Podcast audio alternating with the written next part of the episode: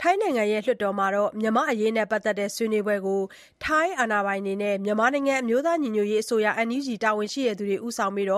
မတ်လ ၂ ရက်နေ့နဲ့၃ရက်နေ့နှစ်ရက်ကျင်းပမှာဖြစ်ပါတယ်။ဒီဆွေးနွေးပွဲကို တက်ရောက်မယ့်သူလည်းဖြစ် ထိုင်းနိုင်ငံမှာ အနှစ် ၃၀ ကျော်နေထိုင်ပြီး မြန်မာ့အရေး ဦးဆောင်လှုပ်ရှားနေသူ ထိုင်း-မြန်မာ မဟာမိတ်ဖောင်ဒေးရှင်း ဒါရိုက်တာ ဦးမြင့်ဝေကို မညိုညိုလွင်က ဘန်ကောက်မြို့မှာ တွေ့ဆုံမေးမြန်းတင်ပြထားပါတယ်။ ကုလသမဂ္ဂဆိုင်ရာအမြဲတမ်းကိုယ်စားလှယ်မြန်မာသံအမတ်ကြီးဦးကျော်မိုးထွန်းနဲ့အမျိုးသားညီညွတ်ရေးအစိုးရ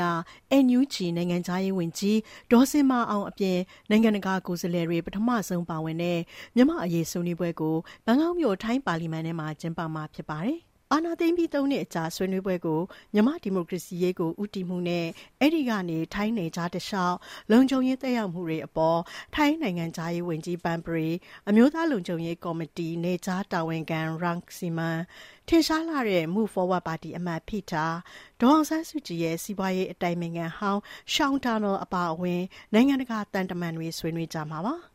ဒီတွေ့ဆုံပွဲကမြန်မာ့အရေးအတွက်အပေါင်းလက္ခဏာဆောင်တဲ့လုပ်ရပ်တခုဖြစ်တယ်လို့တွေ့ဆုံပွဲတက်ရောက်မယ့်မြန်မာ့အရေးလှုပ်ရှားသူဦးမြင့်ဝေကပြောပါတယ်။"အခုကတော့ကျနော်တို့နွေဦးတော်လှန်ရေးနဲ့ဒီကပေါ်ပေါက်တဲ့အစိုးရအသိအမှတ်ပြုခံရတာပေါ့နော်။အဲဒီအတွက်ကျနော်တို့အပေါင်းလက္ခဏာအဆင့်တခုပေါ့။နောက်ထပ်လည်းထပ်ပြီးတော့ပြောရေးဆိုခွင့်တွေရလာမှာပေါ့။အခုကတော့အခုဒီအခမ်းအနားအစီအစဉ်အရ Seminar ကနေပေါ်ပေါက်တဲ့လူမှုဆက်ဆံမှုတွေကနေကျနော်တို့နွေ ဦးတော်လှန်ရေးရဲ့ဦးဆောင်တဲ့အပိုင်းကအလုပ်သမားဆိုအလုပ်သမားနဲ့ပေါ့။ပညာရေးဆိုရင်ပညာရေးပေါ့နော်။အဲလိုဘဝတွေဆက်ဆံနိုင်လာရင်ကျနော်တို့ထိုင်းထဲကိုဘယ်လိုမဆိုရောက်လာမယ့်လူတွေရဲ့လူမှုရေး၊စီးပွားရေး၊ပညာရေး၊ကလေးသူငယ်တွေအရေးအားလုံးကတိုးတက်အောင်ထိန်းညှိသွားလို့ရတာပေါ့နော်။အဲတော့အပေါင်းလက္ခဏာဆောင်တဲ့ဟိုဟာပါပဲ။" အခုလိုတွေ့ဆုံမှုအခမ်းအနားဖြစ်လာရတာက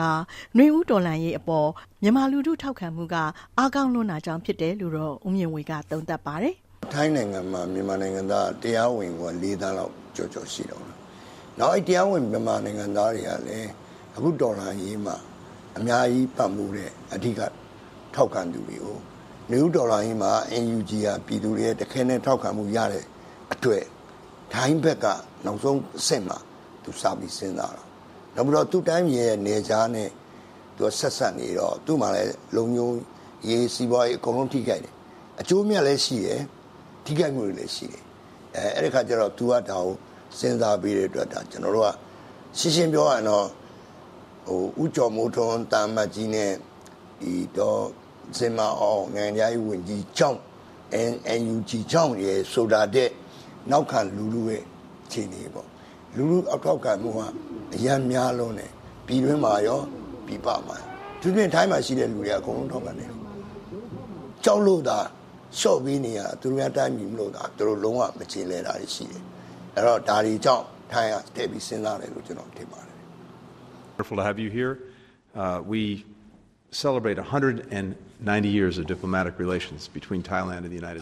" ဒီဆွေးနွေးပွဲဟာထိုင်းနိုင်ငံခြားရေးဝန်ကြီး Parnpree နဲ့အမေရိကန်နိုင်ငံခြားရေးဝန်ကြီး Tony Blinken တို့ဝါရှင်တန်ဒီစီမှာတွေ့ဆုံဆွေးနွေးပြီးတဲ့နောက်ပိုင်းဖြစ်ပေါ်လာခဲ့တာလည်းဖြစ်ပါတယ်ရှင်။ကျွန်မညိုညိုလွင်ပါ။"